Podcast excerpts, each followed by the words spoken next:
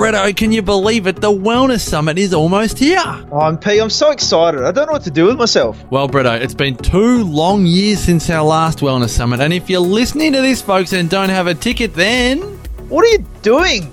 the Wellness Couch family of podcasters gather for two days in Melbourne on Saturday, August 25 and 26, featuring The Queen of Nutrition, Cyndi O'Meara. the rock star of wellness, Dr. Damian Kristof, Connect with your spirit and soul with Bali Bomb survivor Karen Smith.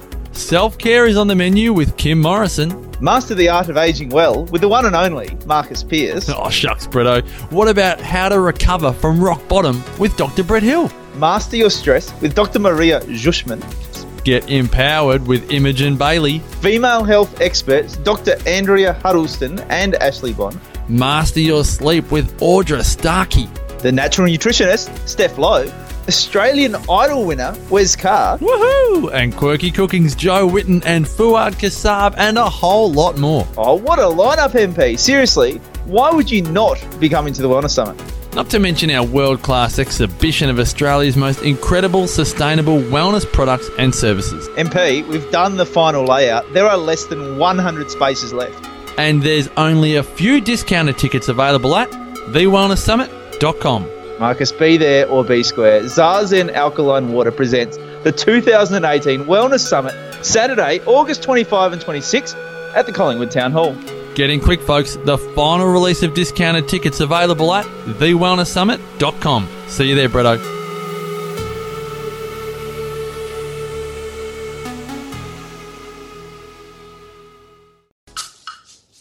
TheWellnessCouch.com, streaming wellness into your lives. Welcome to Nourishing the Mother, featuring your hosts Bridget Wood and Julie Tenner.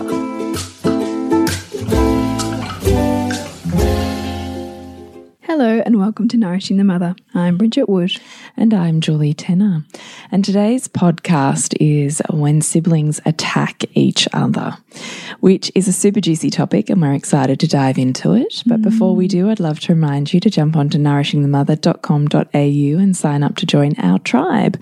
Once a week, we'll send you an email with everything we've put out in the world and occasionally something a little bit saucier or juicier that we should share just mm. intimately or with intimate friends.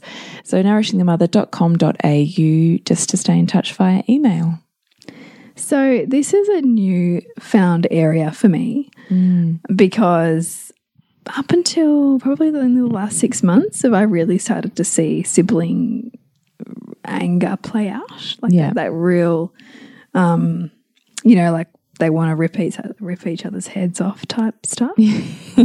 when it's that phase, I think you really notice it. It seems it's kind of like the God. So I've got a thousand thoughts happening in my head. I'm not articulating a single one of them.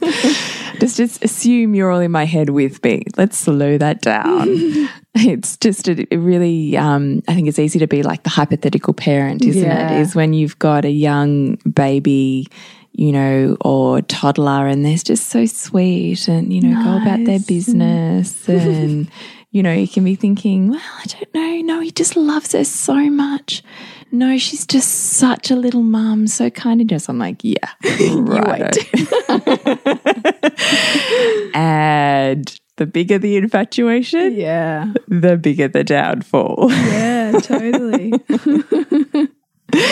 anyway, so tell us where you're at. So I'm noticing my my son's five, um, and I've ever since him turning five and starting school, there's this more of that boisterousness, that big needing to constantly move, and like you know he'll run around the house sometimes roaring, you know, and he's got a, he's got a fierceness now, um, and a lot of the time it's not directed at his sister, but sometimes it is, and and that's like a real moment for me to check in and go, whoa, like this is big. Like I can mm. see what can play out here mm. in this dynamic. And I, it takes me right back to my own childhood when, when my brother and I had a game called Punch and Kick and Fight.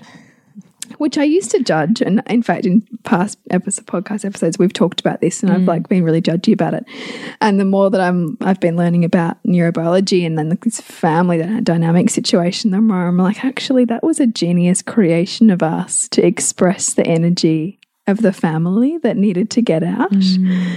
Um, but you know, as parents, when we're facing our children wanting to rip each other's heads off or you know, not, you know, in inverted commas, use their words, but instead use their bodies, it can be really emotionally mm. charged for us mm. to be with and witness and find a way through without completely trying to pull them off each other and um, and shut it down essentially.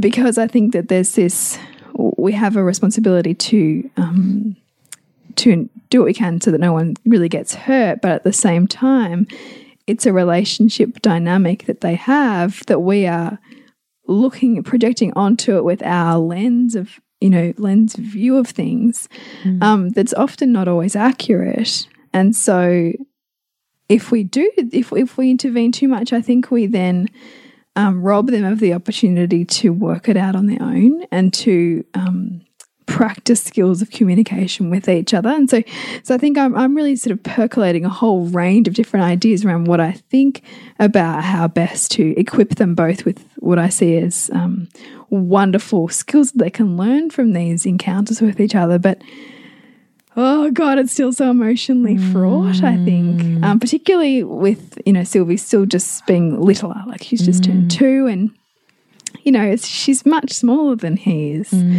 and so there is that desire to make sure he recognizes that his size compared to her, and you know to try to level this playing field. Um, however, the nature of family dynamics is such that you know if if you know, he he has this whether conscious or not need to make sure that she doesn't infatuate with him. And so if he feels that she's got him up on some kind of pedestal, he's going to break that. And that might mean he's really mean to her so that she backs off and goes and finds her own way without needing to be all around him. So I also see there's the function in it. Um, but I guess I'm more new to witnessing these dynamics. And so I'm really interested to flesh it out with you, Jules, on your many more years of, you know, seeing how these play out and and also like, you know, what you find on the other side of of, you know, as they become older and more articulate about the relationship that they've got, how they um relate in a way that's empowered with each other. Um, and allows each person to feel heard, but also the energy and the emotion expressed, not shut down. Yeah. I really get it. And look, I don't think that I have all of the answers to hmm. this at all. So I hope you're not after answers. but I'm happy to hash out a, you know, a philosophy. Hmm. Hmm. and it's funny actually because you and I had had this conversation the other day and then I'm in Renault mode right now, and I had this tradie walk in, and he's one of four brothers. Mm. Like, there's no co- there's no coincidences. in We this world, right? seriously had talked about it like half an hour before. seriously right. And Yeah. so this beautiful, I was about to say young man, makes me feel old. Something in his 30s man mm. walked in and he was just lovely. And we'd already talked about the Renault stuff I want. And somehow we ended up, I don't know how it happens, we ended up having this conversation about him and his children, which led on to him being one of four. Maybe that's how it came about, and one of four mm. brothers. And so I was asking him about one of four, how that rolled and his family dynamics now and how his mother mothered and, you know, all of these sorts of questions. So juicy, so interesting. it was so interesting. And one of the very first things he said to me was, Oh, well, I think she intervened too much. She should have just let us fight it out. Wow. And I laughed because probably about half an hour before I'd said to you, Yeah, but everyone has a right to feel safe. yeah, yeah, yeah, yeah, yeah. And here's this man saying, Yeah, mum stepped in too much. Yeah. and, I, and I was in my head going, Touche. This is really interesting. you know, I said, Oh, that's so interesting. You know, tell me more about that. And, then, and he has two, he has a new four month old and then a daughter who's, I don't know, three or four or something. Oh, something. yeah. So he's very much in the new era. So he wouldn't be in this this phase that you're talking about at the moment. And I said to him, ah, so how would you feel about your two girls, you know, hashing it out and fighting it out? And he goes, oh, yeah, fine. I mean, at the moment, you know, my older one will kind of walk over the baby or whatever. And we just say to her, you know, you got to be a bit more gentle with her and stuff like that. And I went, oh, okay. What if it was an older brother and he was wailing on his little sister? Oh, no. No, not at all, ever. Oh. And I went, Oh, really? That's very interesting. he said, Oh, a boy should never, ever, ever in this whole world ever hit a girl, ever. Wow. And I went, Oh. So it's not the same as when your brothers and siblings wailing on each other. No, that should never happen. Okay. Veered the subject away, but I thought, how interesting. That is so interesting. It's so interesting, Because, you isn't know, it? I haven't even considered that whole thing. No, nor did I think that you had. No. But I did think it was interesting. that that was immediately his, like, you know, Yeah, yeah, yeah. del- delineation. Yes. Yeah. And I thought it speaks so largely to culture mm. and and what else do I want to say? It, it just sometimes I wonder if this is still the uncertainty of the masculine in this culture as well. Is that anything that looks like male ferocity is scary Yeah. and stamped on? Mm-hmm.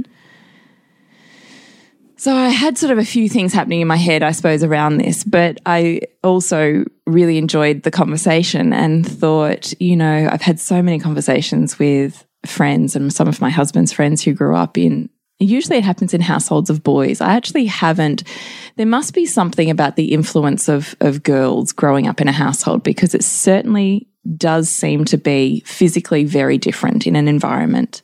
Mm. So the households of purely boys, they are physically fighting all of the time. And I grew up with like some of my husband's best friends, like, oh man, we used to take cricket bats to each other. We would break them over each other's backs, oh like full on fighting, right? Yeah. Or the only way mum could stop us is by coming out and smacking us with the bat, you know, to, mm. to tear us apart, you know, like this type yeah. of thing. Yeah. But I haven't heard those stories where it's been a mix of brothers and sisters. Mm. So there's something in that dynamic mm. that dilutes it or diverts it, Yeah. which I find interesting. Mm. Um, anyway, so I think that there is a level of law of the jungle for sure. I mean, mm. you and I discuss and and I feel are on the same page of there's an air of you need to give them the space to work it out on their own. Mm. And the tools either side of that to work it out better next time but not intervening until your help is is sought versus you perceiving it needs to be there. Mm. Kind of like children playing, you know, can you observe them in their play where they're fully relishing it or do you need to interrupt it and inject yourself into it? Oh yes, isn't that a beautiful toy? And mm. bang, they're out of their magic Yeah, they're out of their playing land Yeah. you know, it's kind of a similar concept. Mm. And assuming that our children have strength and not weakness is is something I certainly challenge myself to do. Mm. But having said that, I'm really I have a really big charge on on bigger kids beating up littler kids. Mm. Mm. Um, not necessarily in size, but certainly in age. When there's different levels of awareness and understanding, and there's different capacity, I think that's very different to two 11 year old boys fighting it out. Yeah. It's, it's a way, le- it's much more level playing field. You're almost going to let them go for it. Yeah, or that they, they both have an awareness, Yeah. and you can talk either side of it when they've come out of that experience with whatever they've come out of that experience with. So with siblings, I do think, um, I guess when I'm thinking about it now, so I obviously have quite a large age gap. So my son's nearly 13 and my daughter's four. And they certainly um, are probably the two that tick each other off the most. My eldest daughter, who's only 18 months younger than my than my son, they'll kind of beat up on each other, but it'll be like, you know, a bump or they'll like punch each other in the arm. And I don't tend to interject with that because it's a pretty level playing field and they have lots of tools. So, generally, all that's required in those moments is for me to stick my head out and raise an eyebrow. And energetically, they both usually stop what they're doing and can, you know, will stop and look at me and, you know, roll their eyes or something and get back to Whatever else. a more conducive way of communicating. yeah. If it's the four year old, I guess at the moment I listen. So I, I tune in and listen. But I don't stop it at the mm. moment. So they're not necessarily hitting each other, but they can be very aggressive and violent in their language with each other. Mm. So I listen and I wait and I kind of am looking for the wave, I suppose, the wave that comes up. And is that wave coming back down again to a, to an mm. equilibrium or is that wave, you know, becoming a monsoon? And if no one's coming off that wave, then it's probably time to step in because Yeah. we're now in triggered land and no one is communicating or able to be in their bodies in any type of mm. therapeutic way at that point in time. Yeah. So, I guess what I'm trying to say to you is there's a dance here. Mm. And there's a dance with, you know, allowing, not needing to rush in and save the situation because I do think there's breath and room there for you to work with your own triggers and sense of mm. spaciousness by just allowing it. They are safe in the confines of you know where they are, you have them in earshot or eye shot. Hmm. They're safe in the sense of you're there. So spend a moment to just parent yourself hmm. and feel into the energy that's happening. So when I'm hearing all, I generally don't need to look at them, I can hear. And I'm feeling into what is the energy and the tone in my, you know, child number one's voice. Mm. And what is the energy and the tone in child number two's voice. And you can usually name and label the emotion they're experiencing in their bodies, but aren't able to work out on their own at that mm. point in time. Mm. And sibling dynamics are such that I find this fascinating because I've made this up, but this is a concept I've been talking about with my eldest daughter recently called mud throwing. I think I threw this out in one of our Yeah, blogs did. or something lately. And it's this idea that, you know, check in with your own body. Where are you feeling? What are you feeling at blah, blah, blah. And sometimes when she's triggered, she can't even, she's like, I don't know, I don't know, I'm not feel, I don't know, I'm not feeling anything, you know, blah, blah, blah. And I say, okay. Well, you know, and we do the mirroring. I'm feeling like this in my body right now, and I'm feeling this knot here, and it feels like a bog here, and blah, blah, blah. And I'm wondering if you're feeling that too. And she only mm. goes, Yes, I am. I can feel that. Go, Okay. Well, those feelings you've got in your body there are seeking a way out. And you can choose to acknowledge that those feelings are there. And you can choose to do the thing that they're asking you to do, which is really do something for yourself to mm. help them have an expression and a movement and be cathartic and, you know, wriggled out of your own body. They move you to something. Emotions and feelings are just flags of something's here that I need you to do. Mm. Or you can choose to stuff them down a little bit further until they come boiling out like a gas plate or something. Mm. And ooh, there is a sibling right there who's going to push that exact button to press that release valve. And guess what? I don't have to be conscious at all with these feelings. I can just take that big bag of mud and I can just hurl it at your face mm. because you are the perfect person to stimulate that for me so that I can get mm. rid of it. And guess what? It sticks to you now because it mm. doesn't have to stick in me. And she gets that as a concept. And so now it's become in our house, we call it mud throwing. That's So great, great when analogy. when I'm listening to my children, I'm thinking in my head, one, my own triggers, two, name and label the emotion that's happening in both of mm. them. What is the need that's currently unmet? Mm-hmm. And then three, I'm thinking, well, they're both actually serving a purpose for the other one. So they're both mud throwing, Yeah. even though neither of them want to own the fact that either of them have feelings to own in the first place. Yes. So I'm sitting there going, oh, well, this is kind of perfect, isn't it? They're both serving each other beautifully. Yes. and so that's usually what I take out of that situation. So I will enter the room and go, okay, hang on, stop. Everyone needs to stop right now. And they will stop. And if they don't, I will be stepping in between them. Mm-hmm. And then I'll be saying, having this mud throwing conversation. So, right now, you've got these feelings in your body. What are you going to do with them? Forget what's happening here. What are you doing with those feelings? Mm. And we talk about that with each child. And then at some point, once they've had an opportunity to move those through, I will speak to each of them individually about what they were feeling and why they were feeling it. Mm. What other tools are. Maybe it's, you know, they're feeling those things because all of this stuff happened during their day. Mm. I didn't get to play with so and so. I got left out with here, and someone hurt my feelings here. And then my sibling is the perfect mirror of all of those experiences rolled mm-hmm. into one. Mm-hmm. Bang. Again, my sibling is this most beautiful experience of a release. Yeah, Of, of being able to face all those things that I've shoved down the whole day. Yeah, yeah. So we have those conversations continuously, and I don't think they're always going to get it. But nine times out of 10, they get something out of it. Mm. And that stacks until one day they really get it. Well, I mean that that's building an enormous awareness of emotional literacy and intelligence, essentially, and body connection. Hmm. And sometimes it's really just they need some tools. You know, I'm feeling really lonely at the moment. Hmm.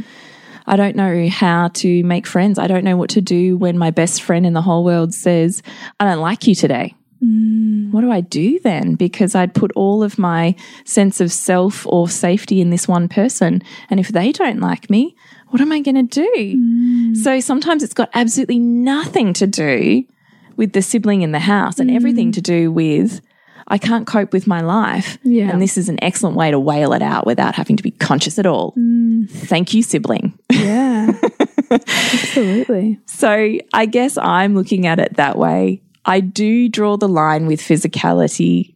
And look, I'm listening to this builder who came around and I'm thinking, yeah, you know, part of me really gets that. Mm. But there's this part of me that also doesn't find it okay. Mm. And I'm still honestly reconciling that mm. within me because I would like to this point where I'm like, yeah, you know, it's all good. But I'm not I'm not there yet. I'm still like everyone has a right to feel safe. And particularly when you're older, bigger, stronger, wiser, more powerful in general in the in everyday life than this other person and you are always overpowering them, you don't get to overpower them mm. more. Mm. That's not okay. Mm. So you have a responsibility with your size and your knowledge and your physical strength that comes with growing up. You know, and I have really big kids too. Like my Lola is six months longer, younger than your Hugo, but she'd be twice his size. And I've even had this conversation with your. I mean, we haven't played together much because Hugo's been sick, but when uh, been at school. But when Hugo likes to play push and shove and he pushes Lola and she pushes back, she's going to flatten him, Yeah, and he's not going to think that's a game anymore. Hmm. And so I have to have this conversation as I can see it happening. Hugo, if you push Lola, she will push you back, hmm. and you may not like how that goes. Hmm. You know, it's these conversations because Lola has a responsibility.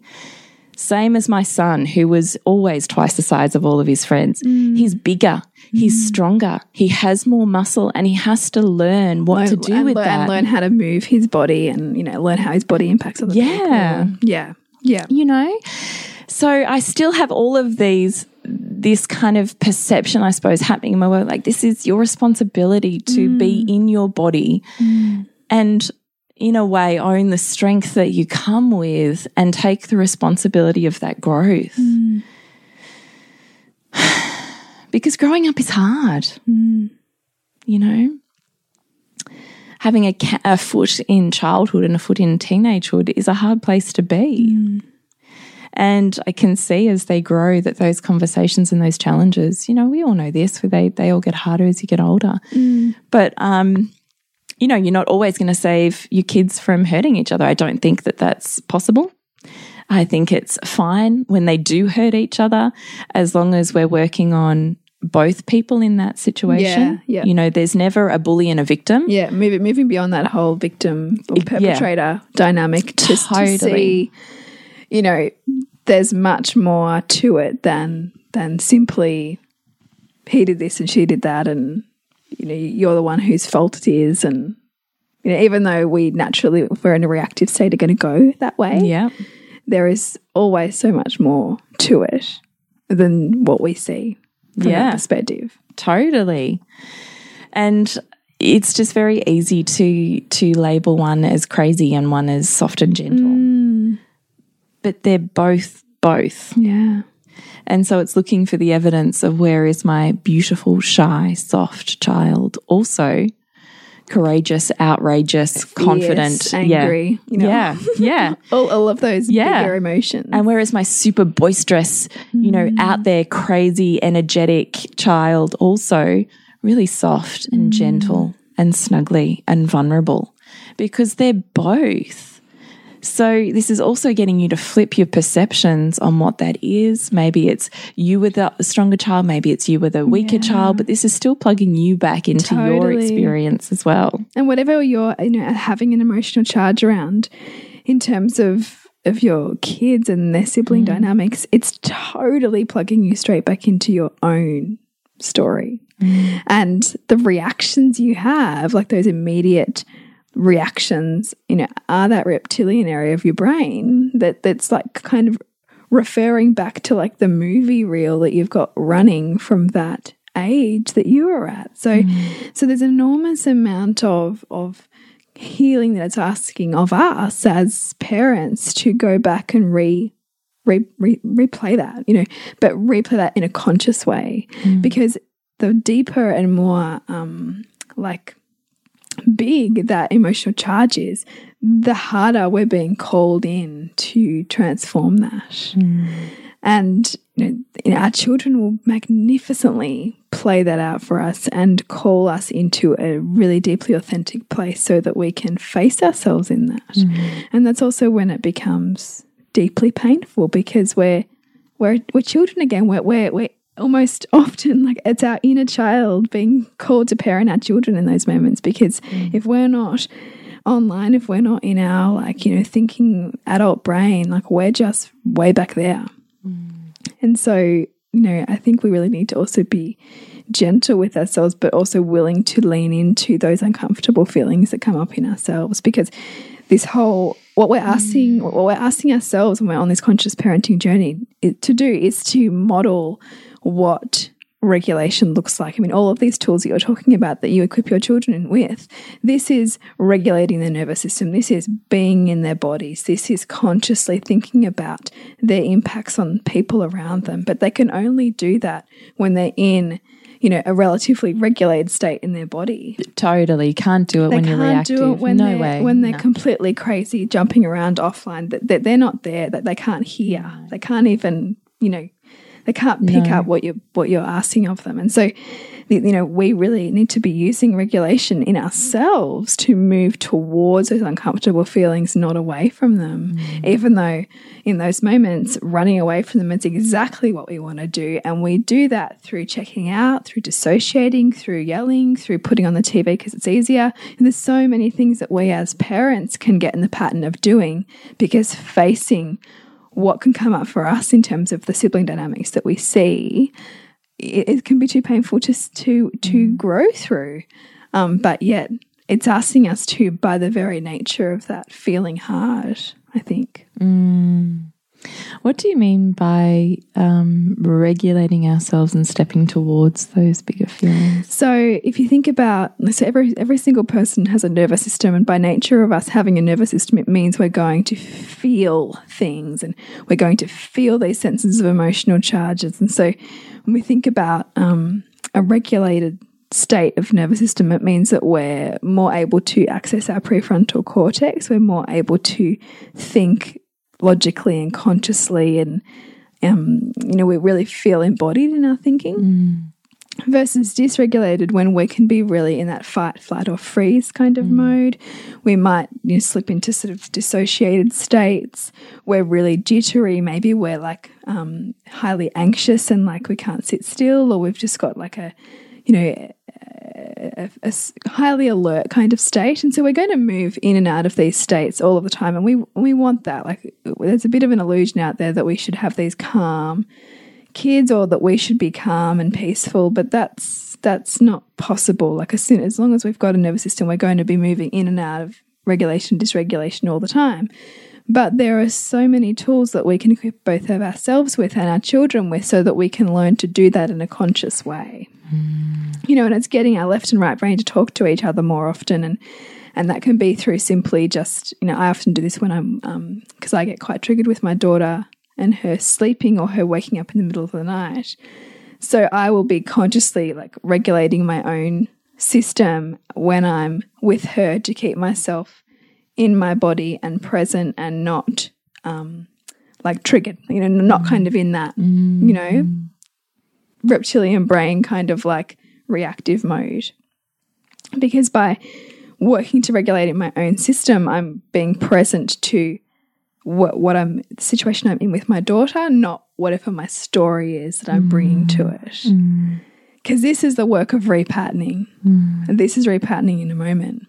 Um, so, and I think that the more that we can do this and recognize when we're feeling highly dysregulated and the patterns for us with our children and what that looks like, and how to get back into a more conscious state, that that is what they pattern their nervous system on. And the reality is that all of us, you know, if we think about our brains being largely wired um, by age three, like 90% wired, Crazy when you think about it. so much of what we're experiencing is implicit memory with- if we're feeling through our body. So when we have that intense bodily reaction to something that our children are doing, it's because that is a stored, they're they're pushing in the button of a stored memory for us on, on how likely our parents reacted to us and therefore the pattern that we got. So if you think, if you think that you haven't you think you wonder how I, how I understood what anger looked like, well, you got your template for what anger looked like based on how your parents displayed anger to you.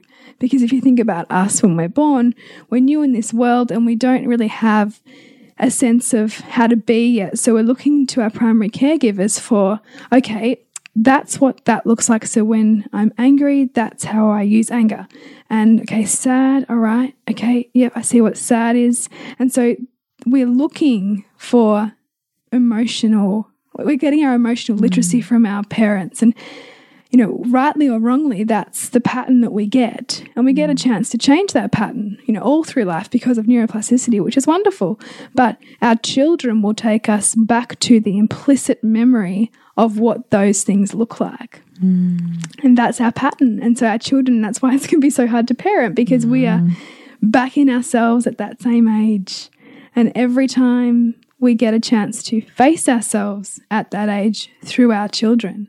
And that is why us learning the tools and integrating the tools for how to actively repattern when we're feeling really triggered is not only an enormous gift to ourselves and changing our own mm-hmm. story, but it, it's patterning our child's nervous system because they're feeling everything is every, the children's world is a sensory world. Mm. It's not a left brain thinking world like we as adults live. I mean, there's so much stuff out there that you read about parenting, which is use these particular words with your child and mm. say, you know, don't say no or, you know, frame it this way. The words mean nothing because they've got everything from how you're feeling. Mm. Like the, the We're primarily sensory beings. Well, yeah, Ninety percent of our input is coming from our senses. be- before someone even Yeah. opens their mouth. yeah, yeah, So, and our children bathe in that energy. yeah. So, I think it's so interesting when we can give ourselves permission to feel more into what those things are that are that are deeply challenging for us, and then find ways that work for us to repattern them, so that we can give our children that that emotional literacy that perhaps we didn't have. Mm. Which I dare say, if you're on a conscious journey, perhaps you have a, a sense that you didn't have everything that you needed or That's wanted. right. Yeah, I think I think you're only here if you feel like something's missing, right? if you think you got it all down pat, you're not listening to us. With that in mind, actually, Bridge and your incredible body of wisdom that I could certainly listen to and bathe in, we have our fourth round of aligned parenting coming up at the end of September. So if you're really ready to dive deeply and understand more with a greater perspective and toolkit, then our aligned parenting online course could be exactly what you're after. Mm.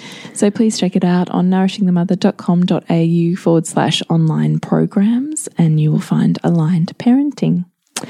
We're really grateful for you for listening. We adore the responses that we get back from whoever is out there that listens and writes to us and says, Oh, this happened in my world. And we get to bathe in that sublime feeling and ripples. It's, it's it honestly like makes our day. Like I was having the shittiest like day the other day. I've got to say, and my husband came back from a weekend at the snow, and he's like, "Oh, I saw, I saw so and so, and they said they've been listening to the podcast and they think it's so great, and like you're so great." And I'm like, "Fuck, really?" Like 'cause I've had like the shittest day, so you just like made my day. That's so cute. And you're so great. I'm thinking really because I really fucked up my morning. so thank you, listeners, for appreciating what we put out in the world, and it is really we re- we feel really touched that that what we create somehow helps you on your mothering journey. Yeah, and that you take the time to to, To let us listen. know and, and to listen. Yeah, And to those people who, you know, listen to us in the bath, you know, or your, you know, your special moments that you get just to yourself. You know, we know how treasured they can be yeah. amid the craziness of motherhood. So we feel honored that we can be in that space with you, Totally. that intimate space. yeah. We love a bit of intimacy. Mm.